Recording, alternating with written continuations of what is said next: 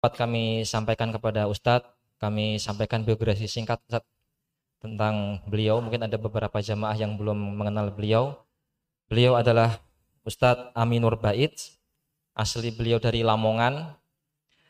Kemudian tahun 2002 beliau uh, merantau ya ke kota Yogyakarta untuk mengambil studi perkuliahan di Universitas Gajah Mada di UGM dengan jurusan Teknik Nuklir dan beliau lulus di tahun 2006 dan selama dua tahun beliau bekerja sebagai instruktur di laboratori analis radioaktif di jurusan Teknik Nuklir UGM, Masya Allah. Kemudian di tengah kesibukan beliau di bangku kuliah, beliau banyak mengambil faidah di kajian-kajian di sekitar kampus UGM, terutama kajian yang diampu oleh Ustadz Aris Munandar Habibullah Ta'ala. Kemudian di tahun 2007, beliau mengikuti kuliah S1 jurusan fikih dan usul fikih Madinah International University atau Mediu dan pada tahun 2011 beliau lulus dari Mediu. Dan uh, saat ini beliau menjadi pembina situs uh, konsultasi syariah dan pembina di Yayasan Amal Abadi Yogyakarta. Dan beliau saat ini juga kesibukan beliau adalah menulis buku dan banyak ya kita jumpai tulisan tulisan-tulisan dan karya beliau yang sangat bermanfaat. Ibrahim, apa doa Ibrahim? Rabbana taqabbal minna innaka antas samiul alim. Allah Subhanahu wa taala ingatkan di surat Al-Baqarah Wa id yarfa'u Ibrahimul qawa'ida minal baiti wa Ismailu. Rabbana taqabbal minna innaka antas samiul alim. Ingatlah ketika Ibrahim bersama Ismail. Yarfa'u. Beliau meninggikan al-bait. Meninggikan Ka'bah. Kenapa kok Ka'bah ditinggikan, Mbak? Karena ketika itu Ka'bah dalam posisi roboh yang tertinggal hanya puing-puing reruntuhan. Ada pondasinya, tapi tidak ada atapnya. Ka'bah tidak dalam posisi utuh sebagaimana yang saat ini kita saksikan. Maka Allah Subhanahu wa taala perintahkan kepada Ibrahim alaihissalam agar mengajak anaknya untuk meninggikan Ka'bah. Ibrahim sebagai orang yang beliau memasang setiap batu bata yang ditumpuk untuk menyusun Ka'bah. Sedangkan Ismail yang membantunya mengambilkan bebatuan, mengambilkan apa ini aci ya, semen perekatnya ya, untuk kemudian digunakan menyusun Ka'bah. Dan para ulama mengatakan setiap satu bata yang disusun oleh Ibrahim selalu boleh iringi dengan membaca doa Rabbana taqabbal minna innaka antas samiul alim. Ya Allah terimalah amal dari kami. Sesungguhnya engkau zat yang maha mendengar, lagi maha mengetahui. Sehingga kita sebagai seorang hamba yang tidak tahu tentang rahasia Allah subhanahu wa ta'ala. Tidak tahu apakah amal kita diterima oleh Allah atau tidak. Yang bisa kita lakukan apa jamaah? Berharap. Iringi amal yang kita lakukan dengan harapan kepada Allah agar amal itu diterima. Dengan cara apa? Bisa dengan berdoa kepada Allah. Atau dengan harapan dalam batin, semoga Allah subhanahu wa ta'ala memberikan pahala atas amal yang aku lakukan. Karena aku lakukan amal ini berusaha sesuai dengan ajaran Nabi SAW. Sesuai dengan apa yang dituntunkan oleh beliau. Sehingga saya berharap Allah memberikan pahala. Itulah bentuk husnudon kepada Allah saat seorang hamba itu beramal. Saya ulang, husnudzon kepada Allah ketika kita beramal bentuknya gimana?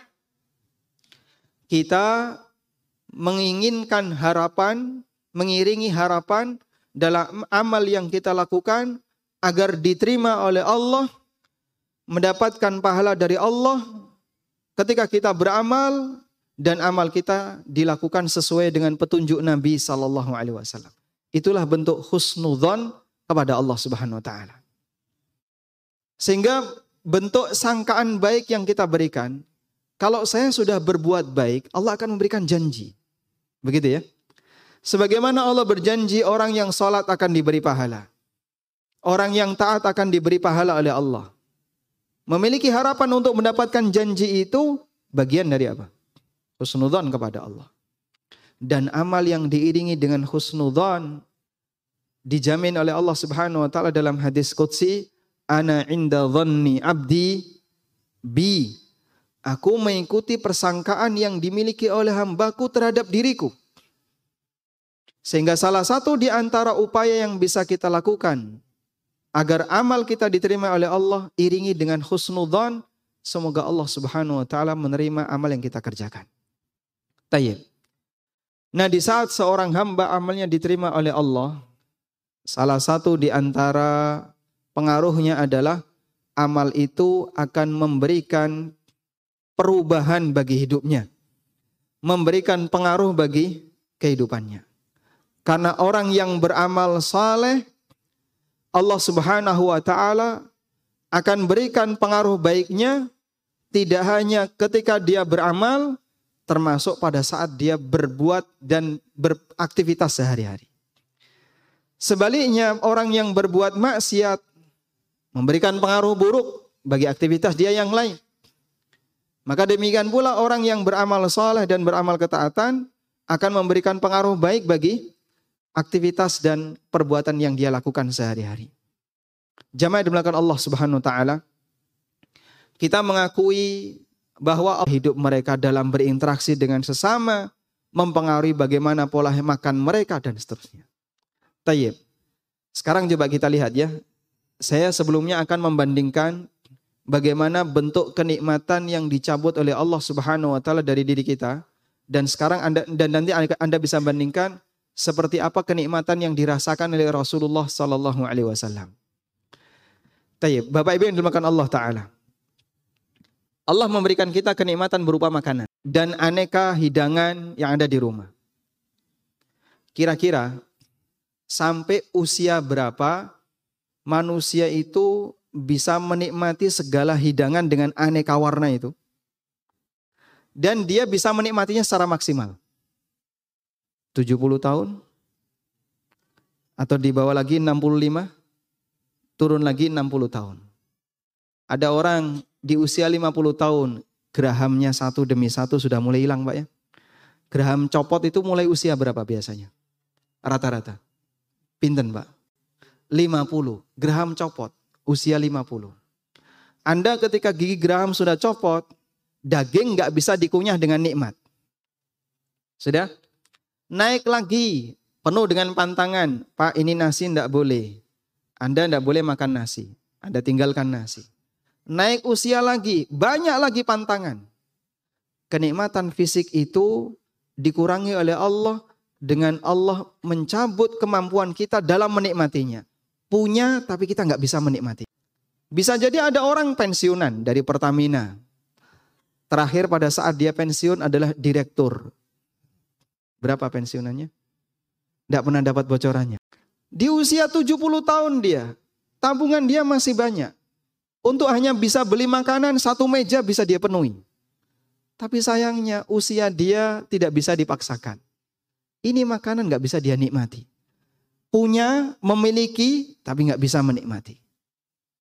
Sehingga manusia itu dibatasi oleh Allah kemampuan dia dalam menikmati dunia dengan usia yang dia punya. Ada juga orang yang ketika tidur di atas kasur yang empuk, dia pegel ketika bangun.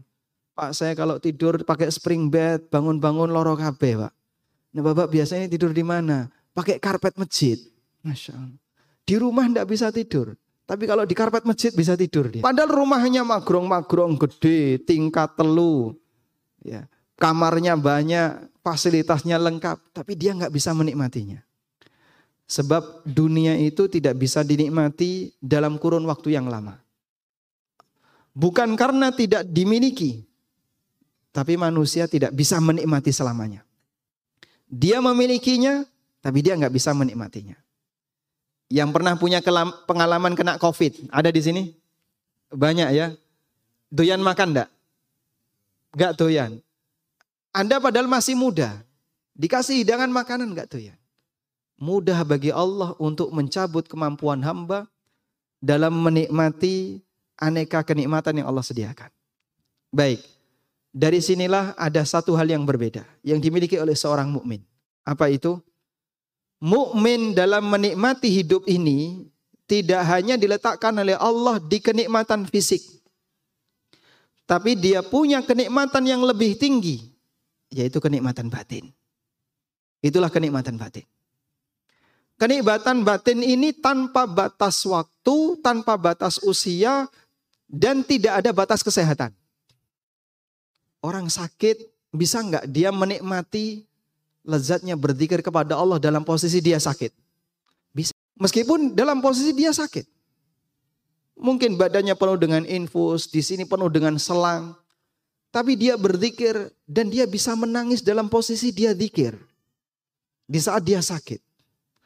Kenikmatan batin ini yang tidak bisa dirasakan kecuali oleh hamba Allah yang mukmin dan dia bisa memindahkan dari posisi kenikmatan fisik ke hati. Rasulullah Sallallahu Alaihi Wasallam. Allah jadikan kenikmatan dunia tidak di fisiknya, tapi kenikmatan dunia itu diletakkan oleh Allah di hatinya. Sehingga apa yang menjadi puncak kenikmatan Nabi Sallallahu Alaihi Wasallam? Apa jemaah? Salat. Rasulullah SAW bersabda bagaimana? Wa ju'ilat aini fis salah. Allah jadikan ketenangan batinku ada dalam salat. Masya Allah. Orang kalau kenikmatannya berada di hati, mau apa pun kondisi fisiknya, dia tetap bisa merasakan kelezatan kehidupan ini. Karena kenikmatan dia ada dalam Wa ju'ilat aini fis salah. Allah jadikan ketenangan hatiku ada dalam salat. Maka Nabi SAW ketika dalam posisi beliau penat, beliau banyak mendapatkan tantangan dakwah dan aneka masalah yang beliau hadapi, pelariannya ke mana? Salat. Sebagaimana yang dikatakan oleh Aisyah radhiyallahu anha. Kana Nabi sallallahu alaihi wasallam idza jadabahu amrun salat. Nabi SAW kalau sedang punya masalah berat, salat. Beda dengan kita. Kita kalau lagi stres, punya masalah, berantem sama istrinya Pak. Biasanya larinya ke mana? Ke mana Pak? Mancing. Sehingga masyarakat kita ketika karena tekanan pekerjaan dan seterusnya, untuk kemudian melampiaskan ketenangan batinnya agar dia bisa beristirahat. Itu kadang ada yang main badminton, ada yang pit-pitan, ada yang mancing, ada yang ke mana piknik dan seterusnya. Kalau seperti ini yang terjadi, berarti Anda belum memiliki kenikmatan batin sebagaimana yang dirasakan oleh orang soleh di atas. Yang beliau letakkan kenikmatan batin itu ada dalam hatinya, bukan di fisiknya. Karena itu jamaah yang dimuliakan Allah Subhanahu wa taala, mari kita berlatih ya, secara tahap demi tahap. Berlatih secara bertahap memindahkan kenikmatan fisik kepada kenikmatan batin. Enggak semua orang bisa, Pak. Dan bentuknya adalah kita jadikan ibadah itu sebagai sumber ketenangan batin kita. Orang nggak bakalan bisa melakukan seperti ini kecuali jika dia bisa meresapi ibadah yang dia kerjakan. Meresapi sholat yang dia lakukan. Karena itulah jamaah yang Allah subhanahu wa ta'ala. Pada waktu Rasulullah SAW sedang bersama para sahabatnya. Dalam posisi beliau kelelahan. Maka beliau meminta kepada sahabat Bilal radhiyallahu anhu. Ya Bilal, arihna bis salah. Wahai Bilal, istirahatkan kami, arihna, istirahatkan kami bis salah dengan salat. Bilal disuruh ada. Masya Allah. Salat itu tempat apa Pak? Istirahat. Kalau kita istirahat dari salat. Kesel salat, istirahat. Ini enggak. Salat sebagai tempat untuk beristirahat. Karena kelezatan beliau, kenikmatan beliau tidak diletakkan di fisiknya. Tapi kenikmatan beliau diletakkan oleh Allah Subhanahu wa taala di batinnya. Orang kalau sudah punya semacam ini, insya Allah gak ada orang yang iri kepadanya. Gak ada orang yang iri.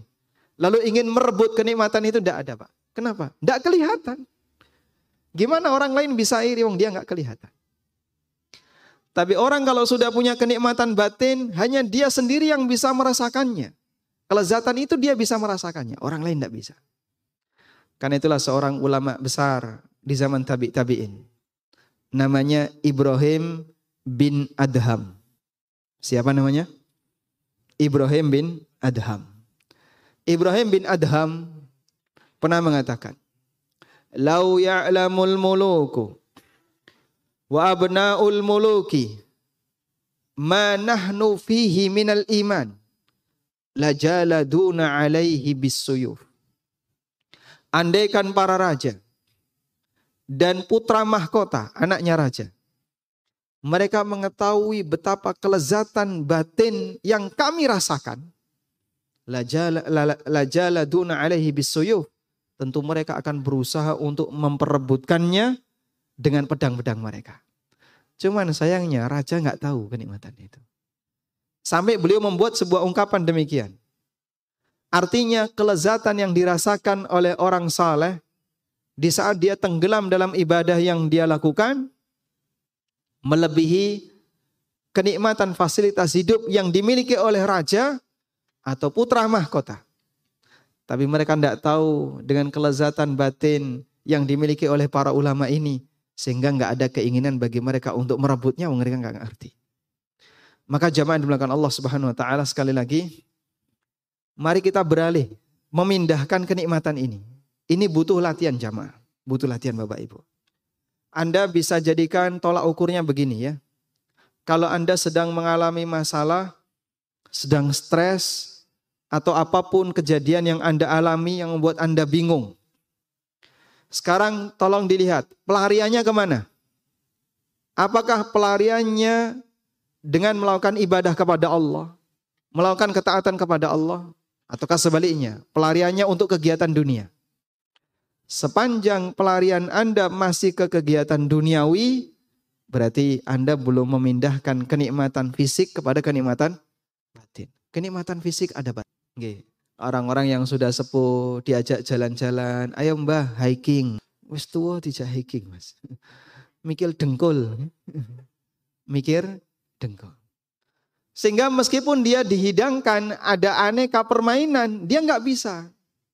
Kadang diajak naik mobil, wis muntah. Kayak nyawang mobilnya wis mabuk. Apalagi kalau kemudian sudah jalan. Nah itu salah satu di antara contoh bisa jadi orang ini punya fasilitas, tapi ternyata dia tidak bisa memanfaatkannya. Allah mencabut kemampuan dia dalam menikmati kenikmatan itu disebabkan karena keterbatasan fisiknya. Baik, maka kita pindahkan kenikmatan fisik ini kepada kenikmatan batin.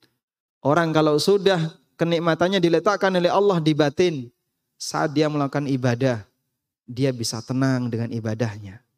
Saat dia berzikir, dia bisa tenang dengan ibadahnya. Dan Allah berjanji, ala bidzikrillah ala bidzikrillah tatmainnul qulub. Bukankah dengan zikrullah hati seorang hamba itu bisa semakin tenang? Berapa menit lagi? 10 menit lagi. Masya Allah. Baik, sekarang saya tambahkan. Selain dalam masalah bisa merasakan kelezatan dalam melakukan ketaatan kepada Allah. Orang yang sholatnya serius, dan dia bisa meresapi sholatnya akan memberikan pengaruh besar terhadap bagaimana penurunan terhadap tingkat terjadinya maksiat. Akan memberikan pengaruh penurunan terhadap tingkat terjadinya maksiat. Sebab salah satu di antara manfaat sholat yang Allah sebutkan di surat Al-Ankabut ayat 45. Ma'ruf, insya Allah kita semuanya sudah hafal. Inna salata tanha anil fahsyai wal munkar wala dzikrullahi akbar. Sesungguhnya salat yang kita kerjakan tanha anil fahsyai wal munkar mencegah dari perbuatan keji dan perbuatan mungkar. Wala dzikrullahi akbar dan zikrullah itu lebih besar. Baik, kita akan bahas terlebih uh, ayat ini namun sebelumnya saya mau kasih catatan terlebih dahulu untuk kalimat terakhir dari ayat. Wala dzikrullahi akbar. Dan zikrullah itu lebih besar. Nah, silakan bagi Bapak Ibu yang membawa mushaf bisa dibuka. Al-Ankabut ayat Allah Subhanahu wa taala berfirman, "Wa aqimis shalah, innas salata tanha 'anil fahsya'i wal munkar wa la dzikrullahi akbar." Anda garis bawahi bagian akhir dari ayat, "wa la dzikrullahi akbar." Apa yang dimaksud kalimat "wa la dzikrullahi akbar"? Sesungguhnya zikrullah itu lebih besar. Maksud dari kalimat ini adalah ada beberapa ahli tafsir yang menyampaikan beberapa pendapat berkaitan dengan makna wala dzikrullahi akbar. Kalau secara tekstual artinya sungguh zikrullah itu lebih be besar. Secara tekstual. Dan maksud dari ayat, dari kalimat wala dzikrullahi akbar, artinya adalah seorang hamba ketika dia sholat, Hakikatnya dia diberi petunjuk oleh Allah Ta'ala. Hakikatnya dia diberi petunjuk oleh Allah. Dengan petunjuk Allah itu, maka sang hamba mau melakukan sholat. Sudah? Andaikan tidak diberi petunjuk oleh Allah, hamba bisa nggak melakukan sholat? Tidak bisa. Yang kedua, dia diberi oleh Allah kemampuan untuk melaksanakannya. Andaikan dia tidak diberi kemampuan oleh Allah untuk melaksanakannya, maka dia tidak akan mampu untuk melaksanakannya.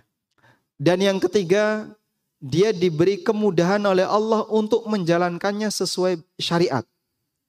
Sehingga dengan itu, maka sang hamba bisa melaksanakan sholat sesuai sunnah Nabi Sallallahu Alaihi Wasallam. Berarti ada tiga unsur pertama yang terjadi pada diri seorang hamba sehingga hamba ini bisa sholat. Satu, diberi petunjuk, yang kedua diberi kemampuan fisik melakukannya, yang ketiga diberi ilmu untuk melakukannya sesuai dengan sunnah Nabi Sallallahu. Paham di sini? Baik, itu semua adalah hamba, itu semuanya adalah bentuk nikmat Allah yang diberikan kepada sang hamba. Artinya Allah ingat hamba, baru kemudian hamba ingat Allah. Paham? Artinya Allah mengingat hamba, baru kemudian hamba mengingat Allah. Allah mengingat hamba dalam bentuk apa? Allah berikan kita petunjuk sehingga kita mau sholat. Allah berikan kita kemampuan fisik sehingga ini bisa digerakkan takbiratul ikhram, bisa sujud, bisa rukuk dan seterusnya. Dan Allah berikan kita hidayah sehingga sholat kita sesuai sunnah, petunjuk Nabi SAW. Itu semuanya adalah Allah mengingat kita. Dengan itu Allah berikan nikmat kepada kita. Paham di sini? Baik. Dan itulah zikrullah. Allah mengingat ham, hamba. Itulah zikrullah. Allah mengingat hamba. Dan zikrullah ini lebih besar dibandingkan kita sholat dan kita mengingat Allah. Nikmat yang Allah berikan kepada hamba, kepada kita, sehingga kita mau sholat lebih gede daripada kualitas zikir kita kepada Allah saat kita salat. Sehingga sebenarnya siapa yang lebih besar jasanya kalau kita bicara masalah perbandingan jasa. Anda sholat mengerjakan kewajiban kepada Allah. Anda mengingat Allah, betul. Tapi Anda perhatikan, sebelum Anda mengingat Allah, Allah ingat Anda. Dan Allah mengingat kita lebih gede daripada kita mengingat Allah. Sebab dalam aktivitas sholat yang kita kerjakan, masih banyak yang kurang, hati saat sholat, mungkin fisik ada di masjid, tapi batinnya ada di warung, hati ada di rumah, hatinya ada di angkringan, begitu Pak ya. Fisiknya ada di mana? Di masjid. Putus itu Pak. Putus. Fisik Anda di masjid, tapi batinnya sudah mancing. Dia membayangkan sesuatu. Kadang kita sholat, sambil kita merancang kegiatan apa saja yang akan kita kerjakan pasca sholat. Nah. Sedang sholat itu Pak, nyusun jadwal. Setelah ini A, B, C, D. Kok koyok wong sibuk sampean ini? Selesai sholat, salam, kelekaran yang masjid. Ngobrol karo kancane. Padahal di tengah sholat, dia itu sambil membayangkan kegiatan apa saja yang akan kita kerjakan saat selesai sholat. Betul kayak gitu jemaah? Anda mengalaminya? Ini saya tidak cerita pengalaman sendiri ya. Ini pengalaman kita bersama. Dan memang umumnya kayak kita kayak gitu. Digoda oleh setan. Sehingga batin kita saat sholat itu kadang ingat Allah, kadang tidak. Kadang ingat, kadang tidak. Lepas, putus, nyambung, putus, nyambung. Sementara Allah Subhanahu wa taala memberikan nikmat kepada kita di tengah kita sholat itu nggak putus. Saat kita sholat, kita tidak mengalami suasana tiba-tiba badan lumpuh lalu nggak bisa berdiri. Enggak. Allah berikan kita nikmat menyelesaikannya sampai salam. Saat kita sholat, kita nggak kemudian jadi gila sehingga akalnya hilang. Enggak. Allah berikan kita tetap sehat akalnya sampai selesai salam. Allah tetap mengingat kita di tengah kita sedang melaksanakan sholat. Itulah zikrullah kepada kita. Maka Allah sebut dalam ayat ini, wala zikrullahi akbar. Allah mengingat kamu itu lebih besar daripada kamu mengingat Allah. Who is the greatest? Maka siapa yang lebih gede, yang lebih besar? Allah Akbar. Sehingga Allah berikan kita nikmat dulu. Setelah Allah berikan kita nikmat, kita menjalankan kewajiban dan itu pun masih banyak yang kurang. Di saat itulah layak bagi kita semua jamaah selesai sholat baca istighfar. Kenapa selesai sholat baca istighfar bukan baca hamdalah? Selesai sholat baca apa? Istighfar atau hamdalah? Begitu salam Assalamualaikum warahmatullah Assalamualaikum warahmatullah Alhamdulillah Selamat, selamat, selamat, selamat Yang betul gimana? Setelah salam baca astagfirullah, astagfirullah, astagfirullah. Kenapa selesai sholat kita baca istighfar? Bukti pengakuan sang hamba itulah tawaduk kita. Di hadapan Allah Ta'ala. Meskipun kamu selesai ibadah. Tapi ya Allah aku sadar ibadahku masih banyak yang kurang. Aku sadar ketaatanku masih banyak yang kurang. Dibandingkan nikmat yang kau berikan kepadaku nggak ada apa-apanya maka kita mohon ampun kepada Allah Ta'ala. Sebagai bukti, tawadu. Dalam kehidupan sehari-hari yang kita lakukan di kehidupan dunia, kita melakukan seperti itu. Anda selesai melaksanakan tugas, distorkan ke atasan. Saat Anda store, sebagai seorang bawahan yang baik, biasanya pertama yang disampaikan apa? Permohonan maaf. Mohon maaf, barangkali dari apa yang telah saya lakukan masih banyak yang salah, masih banyak yang keliru, mohon nanti untuk dikoreksi, dilengkapi.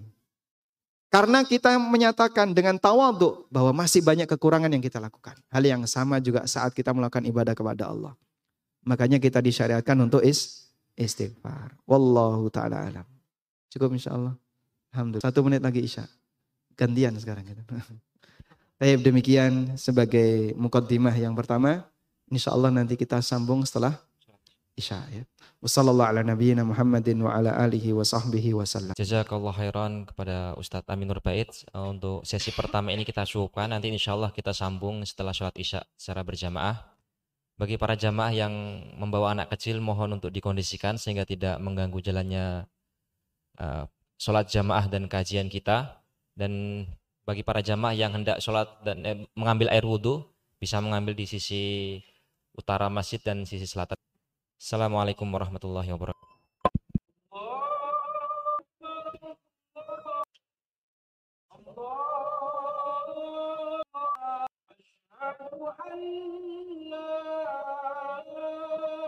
Nabi Muhammadin Shallallahu Alaihi Wasallam rahimakumullah.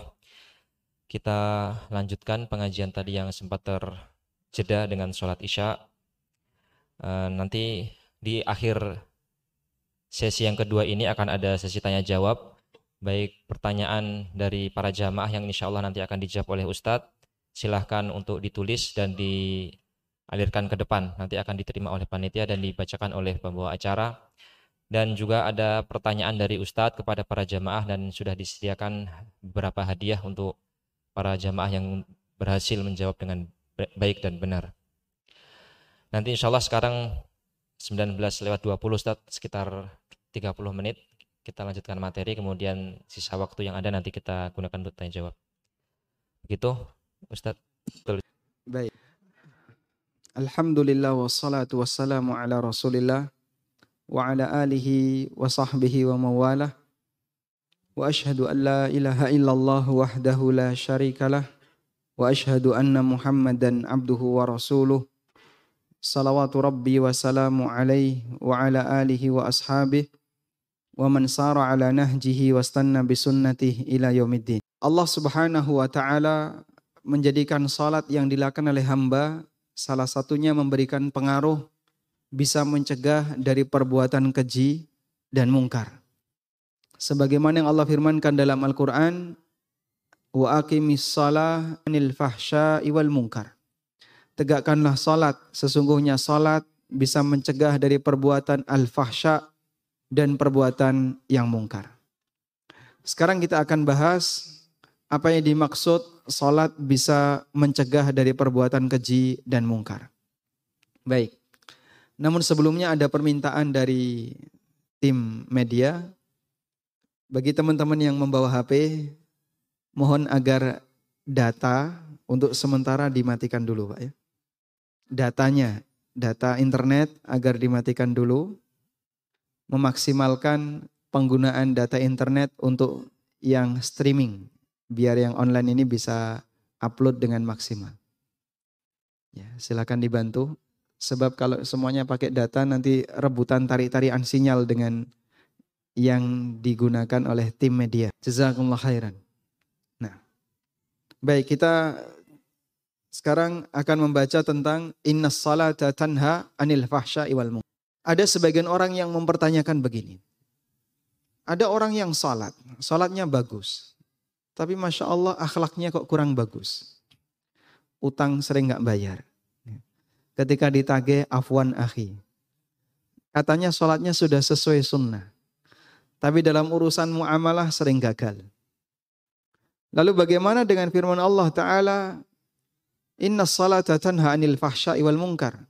Sesungguhnya salat itu bisa mencegah dari perbuatan al-fahsya dan perbuatan kemungkar. Pertama yang perlu kita pahami begini jamaah. Tidak ada satupun pernyataan dalam Al-Quran yang bertentangan dengan realita. Tidak ada satupun pernyataan dalam Al-Quran yang bertentangan dengan realita. Sebab Allah subhanahu wa ta'ala tidak mungkin berdusta. Sehingga tidak ada satupun firman Allah yang tidak sejalan dengan realita. Tidak. Maka semua firman Allah pasti sesuai dengan realita. Sudah? Meskipun tidak semua realita ada dalam Al-Quran. Tidak ada pernyataan dalam Al-Quran yang bertentangan dengan realita. Meskipun tidak semua realita ada dalam Al-Quran. Paham insya Allah bedanya ini? Baik. Sebutkan satu contoh realita yang tidak ada dalam Al-Quran. Sebutkan satu contoh realita yang tidak ada dalam Quran. Ya. Contohnya apa Pak? Banyak sekali Pak. Pertamina itu ada nggak di Quran Pak? Surat apa ayat berapa? Anda kerja di Pertamina dalilnya mana di Quran? Tidak ada ya? Tidak disebutkan dalam Al-Quran. Masjid Nur Rahmah yang ada di di tempat ini ada nggak disebutkan dalam Quran? Tidak ada. Realita nggak ini? Realita. Tapi tidak disebutkan dalam Quran. Nama bapak nggak ada di Quran. Padahal Anda realita, dijiwit ya loro rasanya. Artinya ini bukan mimpi, tapi tidak ada di Quran. Ada banyak realita yang tidak ada dalam Al-Quran. Sebab Al-Quran itu bukan kitab lauhul mahfud yang mencantumkan semua kejadian, takdir sampai kiamat. Al-Quran adalah kitab yang merupakan panduan bagi umat manusia untuk bisa hidup bahagia dunia dan akhirat tapi bukan kitab takdir. Paham ya? Sehingga tidak semua realita ada dalam Al-Quran. Tapi tidak ada pernyataan dalam Al-Quran yang menyalahi realita. Dan itu tidak mungkin. Sehingga Allah subhanahu wa ta'ala ketika berfirman, Inna salata tanha anil fahsyai wal munkar. Sadaqallah. Pasti benar. Maha benar Allah dengan apa yang dia firmankan. Karena tidak ada pernyataan Allah yang bertentangan dengan realita dalam kehidupan. Nah sekarang kemudian muncul pertanyaan. Terus bagaimana dengan nasib ada beberapa orang yang nampaknya sholatnya bagus, sesuai sunnah, bahkan kitab tentang masalah fikih sholat dia hatam, tapi kenapa dalam praktek muamalahnya kadang dia nggak benar, kadang dia suka berbuat jahat kepada orang lain, masih banyak tindakan keji yang dia lakukan. Kadang nyuri-nyuri waktu untuk melakukan perbuatan maksiat dan seterusnya. Apakah berarti firman Allah ini keliru bagi orang ini sehingga dia tidak berlaku? Jawabannya tidak demikian. Baik, sekarang kita akan baca keterangan yang disampaikan oleh para ulama berkaitan dengan makna inna salata tanha anil fahsya'i wal munkar. Al-Qurtubi dalam tafsirnya menyebutkan beberapa makna yang disampaikan oleh para ulama. Pendapat yang pertama, bahwa yang dimaksud inna salah, yang dimaksud as-salah di situ adalah bacaan Al-Quran yang dibaca oleh seseorang di dalam salat. Saya ulang. As-salah dalam ayat ini, Al-Ankabut ayat 45, Maknanya adalah bacaan Al-Quran yang dibaca oleh seorang hamba ketika di dalam salat. Sehingga makna dari ayat, sesungguhnya bacaan Al-Quran yang kau baca ketika salat, isinya itu adalah nasihat yang mencegah dari perbuatan keji dan mungkar. Makna dari ayat, sesungguhnya bacaan Al-Quran yang kalian ucapkan ketika salat, isinya isinya adalah berisi nasihat yang mencegah dari perbuatan keji dan mungkar. Apakah kamu mau menuruti atau tidak kembali kepada masing-masing individu. Apakah kamu mau menuruti atau tidak kembali kepada masing-masing individu. Tapi isi dari Al-Qur'an itu di sana ada bentuk pencegahan terhadap perbuatan keji dan mungkar. Meskipun ada orang yang tidak mau menurutinya, sehingga dia membacanya, tapi dalam kehidupan dia sehari-hari dia melanggarnya. Sebab dia tidak mau nurut terhadap nasihat yang disebutkan dalam ayat yang dia baca. Paham di sini? Ini adalah tafsir yang disampaikan oleh Ibnu Umar radhiyallahu anhu. Ini tafsir yang disebutkan oleh Ibnu Umar. Wa qala Ibnu Umar, as-salatu hunal Qur'an. Ibnu Umar mengatakan yang dimaksud salat dalam ayat ini adalah Al-Qur'an. Wal makna lalu kata Al-Qurtubi maknanya adalah alladzi yutla fis salati yanha 'anil fahsya'i wal munkar wa 'aniz zina wal ma'asi. Apa yang dibaca oleh seseorang dalam salat isinya adalah nasihat yang mencegah dari perbuatan keji dan mungkar, melarang orang untuk berbuat zina dan berbuatan maksiat yang lainnya. Sudah? Sehingga berdasarkan makna ini, berdasarkan makna ini, Berarti ketika ada orang yang salat namun dia masih rajin bermaksiat, apakah bertentangan dengan ayat ini? Tidak. Kenapa? Karena yang dimaksud salat mencegah perbuatan keji dan mungkar di situ adalah Al-Quran yang dia baca dalam salat isinya nasihat yang melarang orang untuk berbuat keji dan mungkar. Apakah dia mau nuruti atau tidak terserah di dia. Mahfum insya Allah? Baik. Sama seperti ketika kita mengatakan Al-Quran ini mencegah dari perbuatan keji dan mungkar. Benar Pak. Tapi kenapa orang membacanya kok masih banyak yang berbuat maksiat? Ya masalahnya dia nggak mau nurut dengan apa yang ada dalam isinya. Baik, ini mana yang pertama. Mana yang kedua? Bahwa seorang hamba ketika dia sedang sholat, seorang hamba ketika dia sedang sholat, nggak mungkin dia melakukan perbuatan maksiat. Hamba kalau lagi sholat, nggak mungkin dia melakukan perbuatan maksiat. Karena orang kalau sedang sholat, berarti dia sedang ngelakuin apa? Ibadah, ketaatan. Sehingga kan tidak mungkin dia berbuat maksiat. Maka sholatnya itu mencegah dia dan menghentikan dia dari perbuatan maksiat yang bisa jadi dilakukan sebelumnya. Contoh ya, ada orang main kartu. Nganggo totoan, Pak. Ditoto ya. Alias apa? Judi. Sudah? Di tengah dia main kartu, terdengar adzan. Begitu terdengar adzan, si leren si sholat si. Ditutuplah kartunya, mereka berangkat sholat berjamaah. Sudah? Berarti sholat yang dia kerjakan mencegah mereka dari perbuatan keji dan andai kan mereka nggak sholat, judi tetap lanjut. Begitu mereka sholat, judi itu ber, berhenti. Maafun di sini. Sehingga sholat itu mencegah mereka dari perbuatan mak, maksiat. Baik, contoh yang lain. Ada komplotan ibu-ibu. Nyebutnya apa? Salah ya. Sekumpulan ibu-ibu ya. Sedang gerenengan. rasan-rasan. Mereka sedang sibuk membicarakan orang lain. Sudah? Di tengah mereka sibuk membicarakan orang lain, tiba-tiba terdengar suara adzan. Lalu mereka berhenti. Eh, wis maghrib, leren dhisik. Gerenengane berhenti, mereka sholat mag maghrib. Dengan sholat itu, kegiatan maksiat gerenengan terhenti. Sudah? Maka di posisi ini sholat mencegah dari perbuatan keji dan mungkar. Artinya orang yang sedang sholat tidak mungkin berbuat maksiat. Paham di sini? Baik. Ini adalah tafsir yang disampaikan oleh Hamad bin Abi Sulaiman dan Ibnu Juraid serta Al-Kalbi. Hamad bin Sulaiman, Ibnu Juraid dan Al-Kalbi. Insyaallah. Barangkali nanti masuk di ujian. Ini tafsir yang kedua. Tafsir yang ketiga. Bahwa yang dimaksud dengan salat bisa mencegah dari perbuatan keji dan mungkar adalah salat yang dilakukan secara serius. Ketika orang melakukan salat itu dengan maksimal, dengan serius, maka pengaruh baik dari salat yang dia kerjakan akan menyebabkan dia jadi orang yang lebih saleh, lebih salihah, ada perubahan dalam hidup dia sehari-hari. Sehingga salat itu menyebabkan dia semakin taat kepada Allah Subhanahu wa taala. Dan ini tafsir yang disampaikan oleh jumhur ulama. Ini tafsir yang disampaikan oleh jumhur ulama ahli tafsir. Dan ini yang umum kita pahami.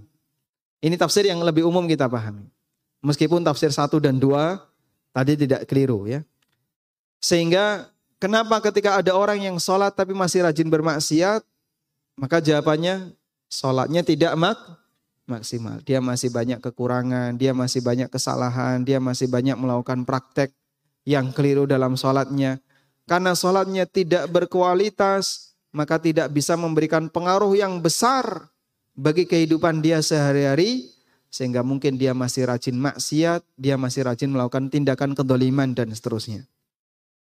Dan tafsir yang ketiga ini sejalan dengan sebuah riwayat dari Nabi Sallallahu Alaihi Wasallam. Hadisnya sahih riwayat Ahmad dan dinilai sahih oleh Syekh Shu'aib Al-Arnaud dari sahabat Abu Hurairah radhiyallahu anhu.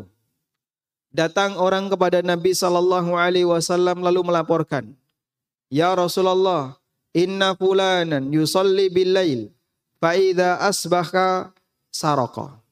Ya Rasulullah, si A ini kalau malam rajin tahajud. Sholatnya bagus. Tapi kalau siang maling. Masya Allah. Malamnya sholat, siang korupsi. Malam tahajud, siang maling.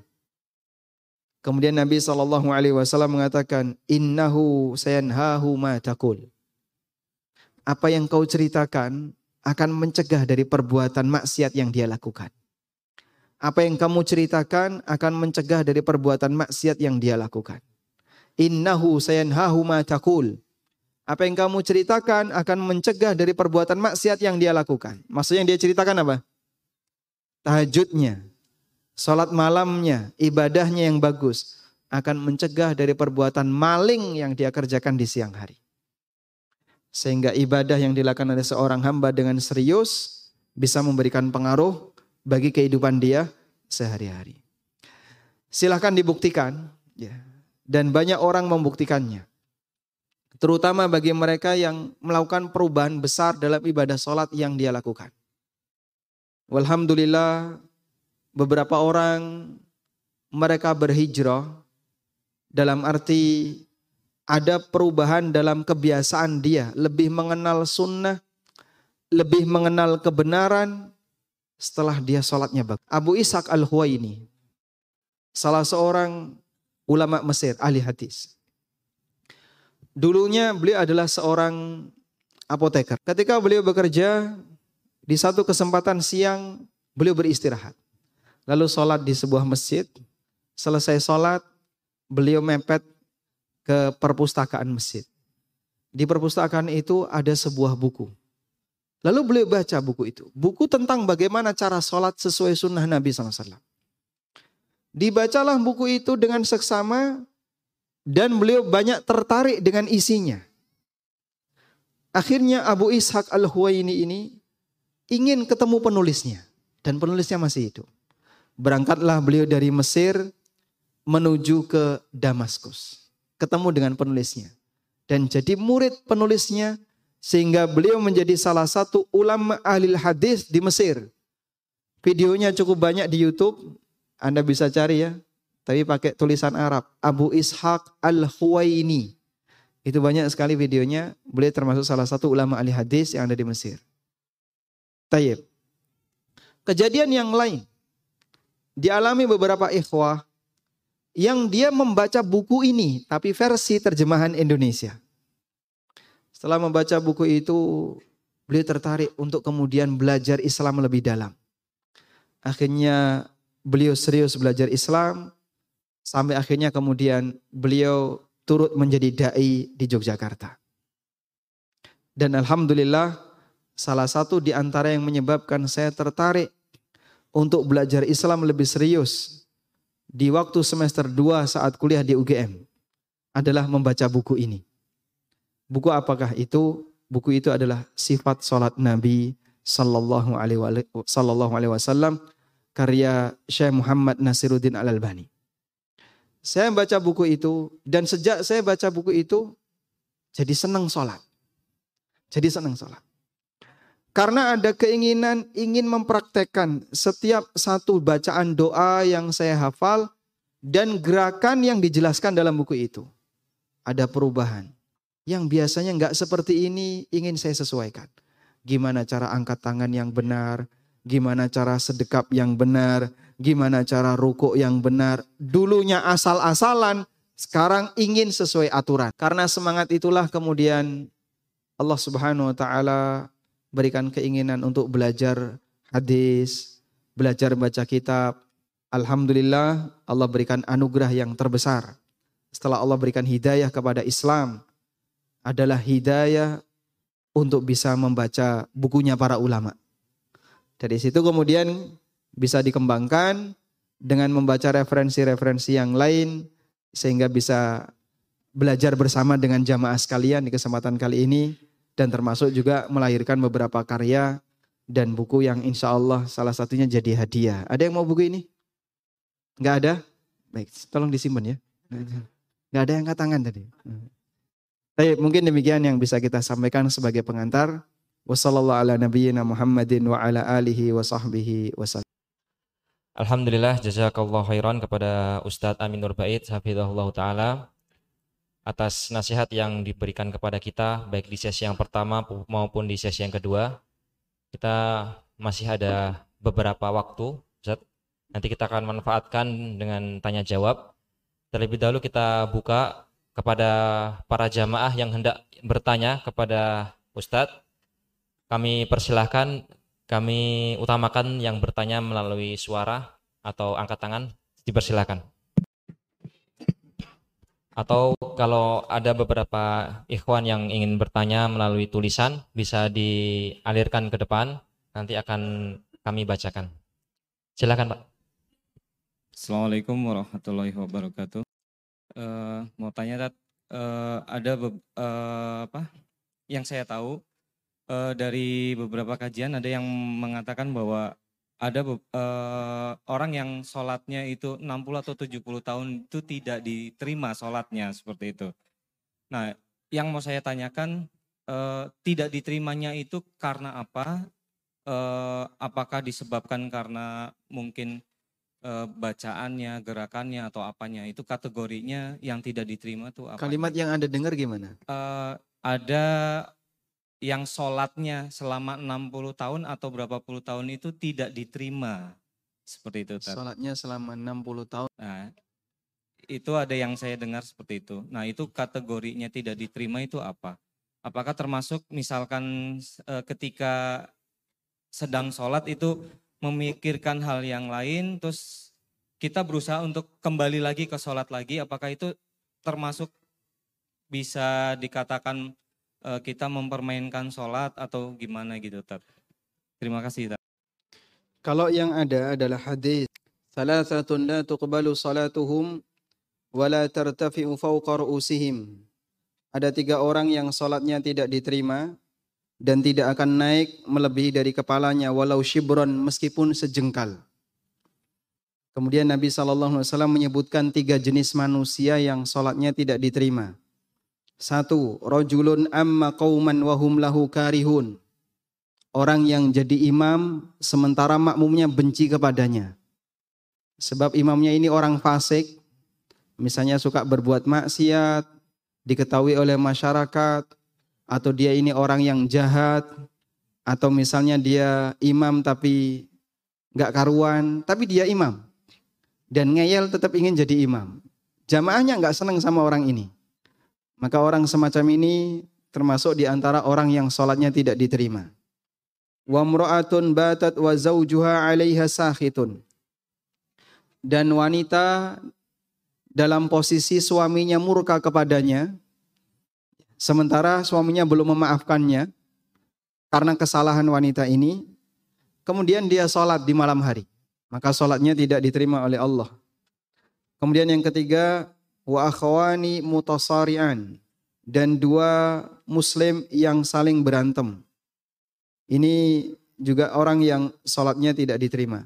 Hadisnya riwayat Ibnu Majah. Dan dalam riwayat yang lain, dalam riwayat yang lain, pengganti dari kalimat dua orang yang saling berantem adalah al-abdul abik, budak yang lari dari tuannya. Maka selama dia belum balik ke tuannya, sholatnya tidak diterima. Wallahu alam ini yang kami ketahui.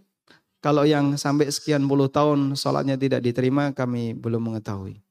Wallahu alam. Mungkin antum ada keterangan apa? Atau ustadz yang ada di sini barangkali bisa ngasih bocoran ke saya biar kita sampaikan ke jamaah. Nah, nah, tidak tumak, oh, masya Allah, tidak tumak nina. Kalau tidak tumak nina selama 40 tahun itu riwayat dari Hudzaifah ibnu Yaman. Hudzaifah pernah melihat ada orang yang sholatnya asal-asalan. Lalu ditanya oleh Hudzaifah ibnu Yaman, Mundu mata tusalli hakada. Sejak kapan kamu sholat seperti ini? Orang itu mengatakan arba'ina sana, 40 tahun. Lalu Hudzaifah mengatakan, "Lau mutta ala hada, mutta ala ghairi millati Muhammadin sallallahu alaihi wasallam." Kalau kamu mati dalam posisi sholatmu seperti ini, kamu mati dengan tidak berada di atas agamanya Muhammad sallallahu alaihi wasallam. Karena sholatnya ngawur orang ini. Sehingga sholat yang terlalu cepat, tidak tumak nina, disebut oleh Hudzaifah, kalau sampai orang ini mati dan sholatnya seperti ini keadaannya, maka dia mati bukan sebagai muslim. Waliyadzubillah. Sebab sholatnya sholat yang tidak diterima oleh Allah Subhanahu wa taala, sholatnya batal karena tidak memenuhi rukun tumak nina. Wallahu. Jazakallah. Assalamualaikum warahmatullahi wabarakatuh. Waalaikumsalam Eh, warahmatullahi saya pernah wabarakatuh. dengar atau baca di sebuah apa hadis atau apa yang jelas itu di saat Rasulullah bersama sahabat kemudian ada seseorang yang datang kemudian sholat kemudian oleh Rasulullah suruh sholat lagi kemudian sudah sholat lagi sudah sholat lagi sampai tiga kali tetap belum sesuai dengan keinginan Rasul nah, itu apa termasuk kategori itu apa tidak Masya Allah, barakallahu fikum. Alumni Sanlat Lansia yang ke ketiga, Masya Allah. Temennya yang lain ada di sini Pak? Enggak tahu ya. Baik. Taib. Eh, jadi hadis yang Bapak sebutkan, hadis riwayat Bukhari Muslim. Hadis ini sering disebut dengan hadis al-musi fi salatihi. Hadis tentang orang yang sholatnya salah yaitu orang yang ketika melaksanakan sholat dia tidak tumak ninah, cepat sholatnya. Dia sholat, kemudian oleh Nabi SAW disuruh baleni, ulangi sholatmu. Salli fa inna kalam tu salli, ulangi sholatmu karena tadi sholatmu batal. Dibaleni lagi pak. Selesai sholat disuruh ulangi lagi. Sampai tiga kali. Itu kalau orang di zaman kita mungkin digituin pak. Selesai sholat ulangi lagi. Nyamplok pak orangnya. Marah dia. Kamu siapa kok kayak Tuhan menilai sholat saya? Saya bukan Tuhan mas. Tapi saya lihat sholatnya bapak ini batal. Dari mana kamu tahu sholatmu cepat? Gimana saya nggak tahu kalau batal? Kita bisa menilai sholat orang orang lain dan menilai sholat orang lain itu tidak sama dengan menjadikan diri kita sebagai Tuhan. Kalau memang jelas sholat itu adalah sholat yang tidak memenuhi syarat dan rukun kriteria yang sah. Kalau sholatnya terlalu cepat ya kita bisa sebut meskipun jenengan sholat selama seribu tahun ya percuma saja. Karena sholat semacam ini tidak akan diterima oleh Allah subhanahu wa ta'ala. Wallahu Baik. Baik, disambi membacakan ini. Baik, uh, saya bacakan dari kertas Ustaz. Tadi disebutkan beberapa kali Ustadz menyebutkan tabiin. Apa yang dimaksud dengan tabiin Ustadz? Kemudian yang kedua, apabila ada soft sholat dalam sholat jamaah yang tidak rapat, apakah semua jamaah sholatnya tidak sah? Atau tabiin adalah muslim yang bertemu dengan sahabat dan mati dalam kondisi muslim. Seorang mukmin yang bertemu dengan sahabat dan beliau meninggal dalam kondisi mukmin. Itulah tabiin. Ini tabiin secara makna istilah. Kalau tabiin secara makna bahasa artinya pengikut. Ya. Bahasa kita ya followers. Sehingga kalau Anda punya Facebook, followernya banyak itu namanya apa? Tabiin ya. Kalau softnya renggang, apakah sholatnya batal? Kalau batal tidak. Tapi apakah orangnya berdosa? Ulama khilaf dalam masalah ini. Ulama beda pendapat. Apakah rapatnya soft itu wajib ataukah tidak? Ulama beda pendapat. Dan pendapat yang lebih kuat hukumnya wajib. Tapi tidak mempengaruhi keabsahan sholat. Tolong bedakan dua kasus ini ya. Satu, soft renggang. Dua, sholat sendirian di belakang soft. Gak ada temennya kanan kirinya. Kalau untuk kasus yang kedua, sholatnya batal apabila masih memungkinkan bagi dia untuk merapat meringsek ke soft depannya. Sehingga misalnya dalam kondisi pandemi, masjidnya kan dikasih tanda ya, silang-silang. Nah, ini nggak boleh dipakai sholat, nggak boleh dipakai sholat. Dikasih tanda, jarak berapa meter kalau di sini? Setengah meter, satu meter. Dikasih jarak satu meter. Sudah? Anda masbuk datang belakangan. Depannya sudah penuh untuk yang dipakai sholat. Yang bertanda dipakai sholat sudah penuh. Sisanya hanya tanda yang nggak boleh dipakai sholat. Kalau Anda sholat di belakang sendirian, batal. Terus solusinya gimana? Renggangnya ini masih ada kosong nggak? Kosong Pak Ustadz. Anda wajib di situ. Kalau enggak, batal. Tapi kalau di sini nanti dimarahi sama takmir. Pilih mana? Dimarahi takmir sholat batal? Dimarahi takmir ya? Berarti takut dimarahi takmir. Atau mending dimarahi takmir daripada apa? Batal. Sehingga kalau Anda tetap berada di situ, meskipun nanti dimarahi takmir, sholat Anda sah insya Allah. Tapi kalau Anda berada di belakang sendirian ya, kanan kirinya nggak ada. Kalau kanan kirinya ada enggak apa-apa. Anda sendirian, kanan kirinya Anda ada teman, maka sholat seperti ini batal statusnya. Wallah. Baik, kemudian yang kedua, Assalamualaikum Ustadz, izin bertanya ini mewakili ibu-ibu Ustadz. Sholat bagi perempuan afdolnya di awal atau di akhir waktu, dikarenakan kesibukan kami mengurus rumah tangga, adakah kelonggaran sholat bagi wanita dalam waktu pengerjaannya? Waalaikumsalam warahmatullahi wabarakatuh. Bapak-bapak juga sibuk sebenarnya. Cuman nggak ngaku. Bapak ngurus berapa rumah tangga? Minimal dua. Masya Allah. Rumah tangga istrinya ada rumah tangga istrinya juga ya. Baik. Jadi kalaupun misalnya Anda uh, punya kesibukan ngurus rumah tangga, mana yang lebih afdol? Sholatnya di awal waktu ataukah di akhir waktu? Jawabannya di awal waktu. Karena begini sebenarnya ya. Anda mau sholat di depan, di tengah, di akhir, semuanya pakai waktu, ya enggak? Apakah kemudian di akhir itu nggak pakai waktu? Pakai waktu. Sholat ini yang Anda kerjakan, ini kan butuh waktu. Baik Anda kerjakan di depan, di awal, di tengah, maupun di akhir. Semuanya butuh wak waktu. Sehingga tidak ada ketika di akhir waktu Anda berarti punya waktu sisa, tidak ada. Tetap Anda harus menyisakan waktu untuk sholat. Sehingga Anda harus leren, ya berhenti, untuk tidak melakukan aktivitas dunia, aktivitas ngurus rumah tangga untuk sholat. Dan itu tetap harus Anda spare waktu untuk sholat. Mau ditaruh di depan, mau ditaruh di tengah, mau ditaruh di belakang sama saja. Cuman nilai sholat yang Anda kerjakan berbeda. Apabila Anda sholat di awal waktu, fadilahnya lebih besar dibandingkan ketika Anda sholat di tengah waktu atau di akhir waktu. Kecuali untuk satu sholat yaitu sholat isya. Betul untuk sholat isya, ulama berbeda pendapat, namun pendapat yang lebih afdol, yang, yang lebih kuat, Sholat isya paling afdol dilakukan di akhir waktu. Sebab Nabi SAW pernah mengakhirkan sholat isya. Lalu beliau mengatakan, Wallahi innaha lawaktuha laula an ala ummati. Demi Allah inilah waktu yang paling tepat andaikan tidak memberatkan bagi umatku. Namun Nabi SAW terbiasa sholat isya di awal waktu karena khawatir memberatkan bagi umatnya.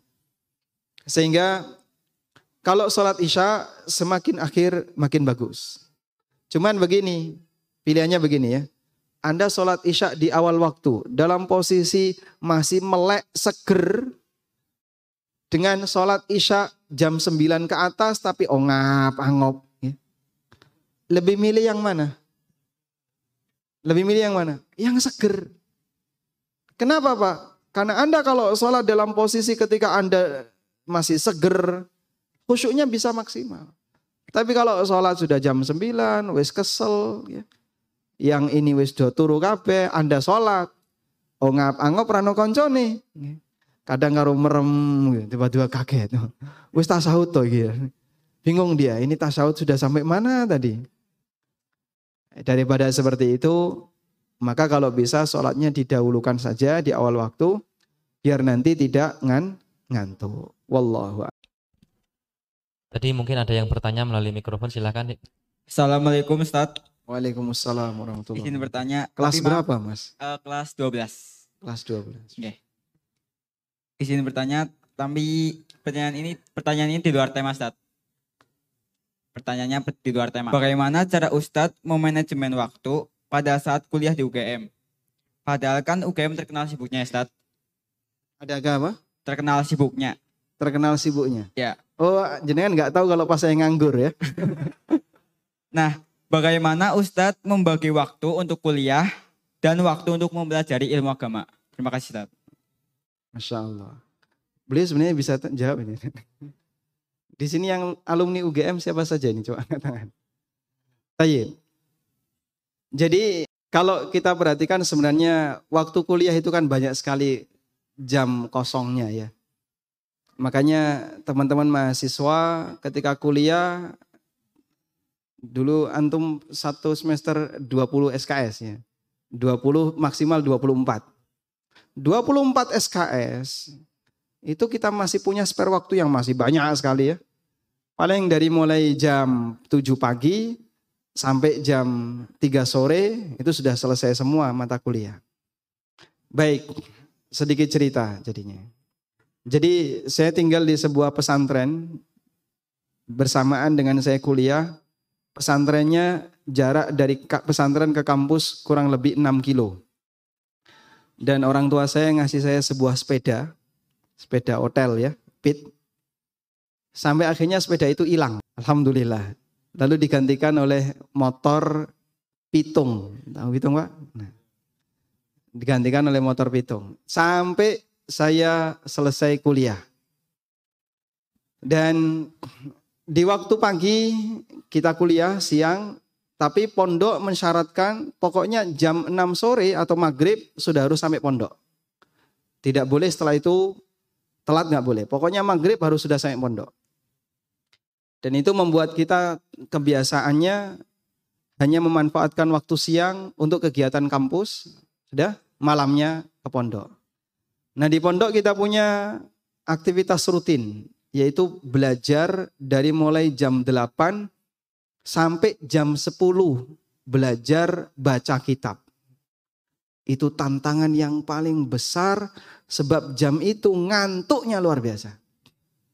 Ya Anda bisa bayangkan siangnya beraktivitas, malamnya jam 8 sampai jam 10 belajar, baca kitab. Sehingga pulpen jatuh, buku jatuh, itu biasa Pak. Dan ustadznya juga sudah maklum kalau ada seperti itu kejadiannya. Karena tantangan ini ada beberapa teman kami yang nggak sanggup, terus dia keluar dan dia milih ngekos daripada tinggal di pondok. Di atas jam 10 baru boleh mengerjakan tugas kuliah. Sehingga kalau ada tugas kuliah, tugas apa pun, jam 10 ke atas baru boleh mengerjakan. Atau besok pagi keluar dari masjid itu jam 6 maksimal. Kalau sebelum jam 6 tidak boleh. Jadi kita selesai subuh, tidak boleh turun dari masjid, harus tutup di masjid. Ngapain Pak? Pokoknya di masjid. Yang jelas jangan main catur ya. Nah. Ada murojaah, ada setoran hafalan, dan seterusnya. Sampai jam 6. Jam 6 baru boleh turun masjid. Nah setelah turun masjid baru lanjut tugas kuliah kalau masih ada yang mau dipraktekan oleh teman-teman mahasiswa di UGM dari berbagai jurusan di eksak terutama. Ada ma'had ilmi. Ma'had ilmi di sekitar Pogung.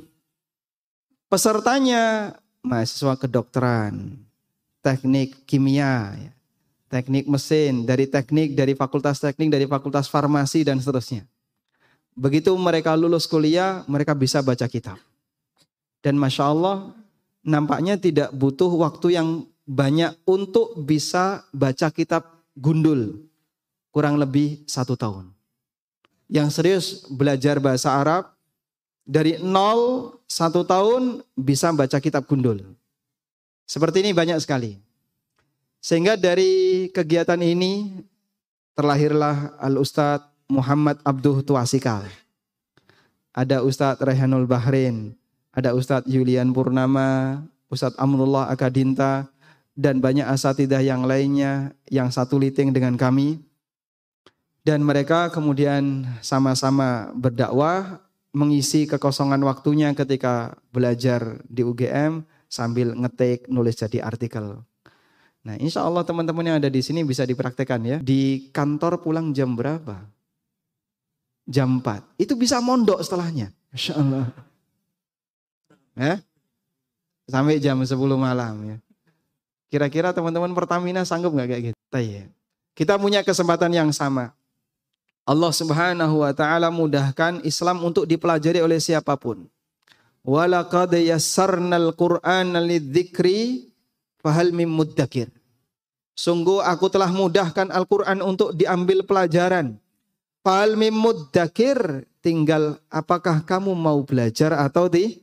tidak. Sekarang tantangannya adalah banyak waktu kosong yang kita punya, Anda punya pilihan. Mau dipakai mancing, pit-pitan, nonton YouTube, atau belajar. Semua kembali kepada masing-masing kita. Wallahu ta'ala alam. Cukup Ustaz? Baik. Masya Allah. Ini, ini dia khairan, Ustaz. Nanti kita bagi-bagi Ustaz.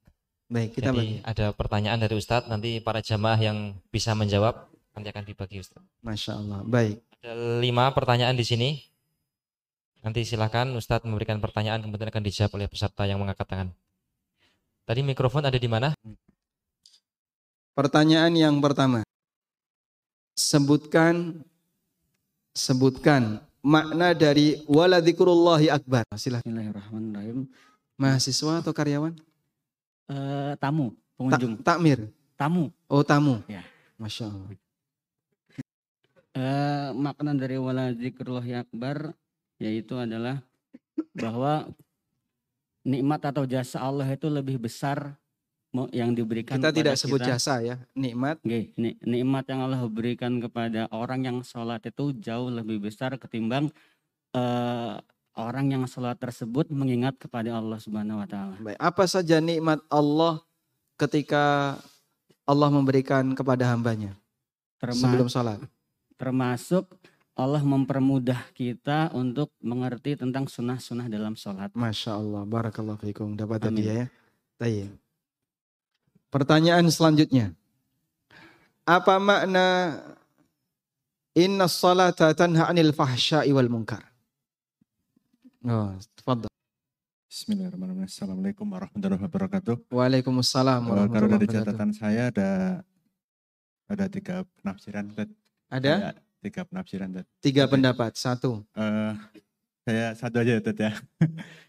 Eh, Gimana? Artinya ketika seseorang Ah. itu sedang mengerjakan sholat itu, eh dia tidak mungkin untuk mengerjakan kemaksiatan gitu Ted. Ketika orang sedang sholat nggak mungkin dia bermaksiat. Ini pendapatnya siapa? Eh, pendapatnya Hamad bin Sulaiman ibnu Jurayj dan Al Kolbi. Masya Allah. Al-Kalbi, bukan Kolbi ya. Al Kalbi. Yang kedua. Cuma Eh, satu. Satu aja lah Ted. Oh satu aja. Ini dibagi tiga caranya gimana? Masya Allah dapat hadiah ya. Barakallahu fikum. Selanjutnya, tanya. Selanjutnya, sebutkan dalil Nabi SAW merasakan kenikmatan batin ketika sholat. Nah, Masya Allah. Yang mana? Ini apa ini? Baik, silakan. Assalamualaikum warahmatullahi wabarakatuh. Waalaikumsalam warahmatullahi Tadi ini dari hadis Nabi wabarakatuh. SAW yaitu Ju'ilal kurata ayun fi sholati. Gimana kalimatnya? Ju'ilal kurata ayun fi sholah. Wa ju'ilal fi- wa- wa ju'ila kurata ayun fi sholah. qurratu aini Kurata ayun fi fis shalah. Artinya? Telah, di- telah dijadikan kepadaku uh, nikmat uh, untuk melaksanakan sholat. Sebagai, Qurratu ain itu artinya penyejuk apa sih? mata. Saya penyejuk mata. Penyejuk mata. mataku dijadikan dalam Sholat. Masya Allah, barakallahu fikum. Dari mana aslinya. Pak? Dari Kupang NTT. Kupang. Oh, ya, Allah. jauh sekali. Tayyib. Pertanyaan selanjutnya. Ini hadiah untuk takmir boleh? Boleh tanya- pertanyaannya Pak Takmir? Kok masih ditanya? Masya Allah. Baik, pertanyaan selanjutnya. Sebutkan 10 rukun sholat. Takmir boleh? Oh takmir boleh. 10 rukun sholat. Arkanus sholah. Ustaz. Eh? Arkanus sholah. Arkanus sholat. Nah. Al al awal an-niyah. Al-awwal an-niyah. Asani takbiratul ikhram. Takbiratul ihram. As-sadis qiraatul fatihah. Fatihah. Ar-rabi eh, ruku. Ar-ruku. Al-khamis tumakninah. At-tuma'nina inda ruku. As-sadis eh, Ya udah di bawah aja. Urusan pesantren ya pasti hafal ya. Baik. Untuk jamaah ya, untuk jamaah. Yang Ustadz nggak boleh angkat tangan ya. Pertanyaannya, sebutkan apa beda rukun dan syarat sholat. Belakang, ya, belakang duluan. Santri bukan? Bukan. Santri. Oh, lulusan pondok. bukan. Oh, baik. Ketika sedangkan syarat hal-hal yang harus dipenuhi di luar pada. Baik. Jawabannya keliru ya. Masya. Kalau syarat setelah sholat kan batal. Di luar ibadah berarti bisa setelah so, sholat. Wudhu setelah sholat gimana? Nah, sebelum barakallahu fikum dapat ya. Jadi bukan di luar tapi se sebelum. Coba diulang apa perbedaan rukun dengan syarat? Kalau rukun harus dipenuhi ketika sedang melaksanakan ibadah. Kalau syarat harus dipenuhi sebelum melaksanakan ibadah. Walhamdulillahirabbil alamin. Demikian yang bisa kita sampaikan. Semoga forum ini diberkahi oleh Allah Subhanahu wa taala. Amin. Forum yang mendatangkan kebaikan dan Allah memberikan rahmat bagi kita semuanya. Allahumma anfa'na bima 'allamtana wa 'allimna ma yanfa'una warzuqna ilma. Wa sallallahu ala nabiyyina Muhammadin wa ala alihi wa sahbihi wa sallam. Wa akhiru da'wana anil hamdulillahi rabbil alamin. Wassalamualaikum warahmatullahi wabarakatuh. Waalaikumsalam warahmatullahi wabarakatuh. Jazakallah khairan kepada Ustadz Aminur Bait yang telah memberikan nasihat dan kajian kepada kita semuanya. Semoga Allah Subhanahu wa taala memudahkan kita, memberikan taufik kepada kita untuk mengamalkan apa yang beliau sampaikan. Demikian eh, akhir dari acara kita pada hari ini di Masjid Baitur Rahmah dan Insya Allah besok Ustadz Amin Nur Bait juga masih mengisi di Cilacap di Masjid Al Falah besok pagi di Jalan Gatot Subroto, Ba'da Subuh. Mungkin para jamaah ada yang berkenan untuk bisa hadir di sana. Dan dimohonkan kepada para jamaah yang hendak meninggalkan masjid, mohon untuk bisa membawa pulang sampahnya ya. Jangan ditinggal di masjid. Demikian subhanakallahumma wa bihamdika an la ilaha illa anta astaghfiruka wa atubu ilaik. Wassalamualaikum warahmatullahi wabarakatuh.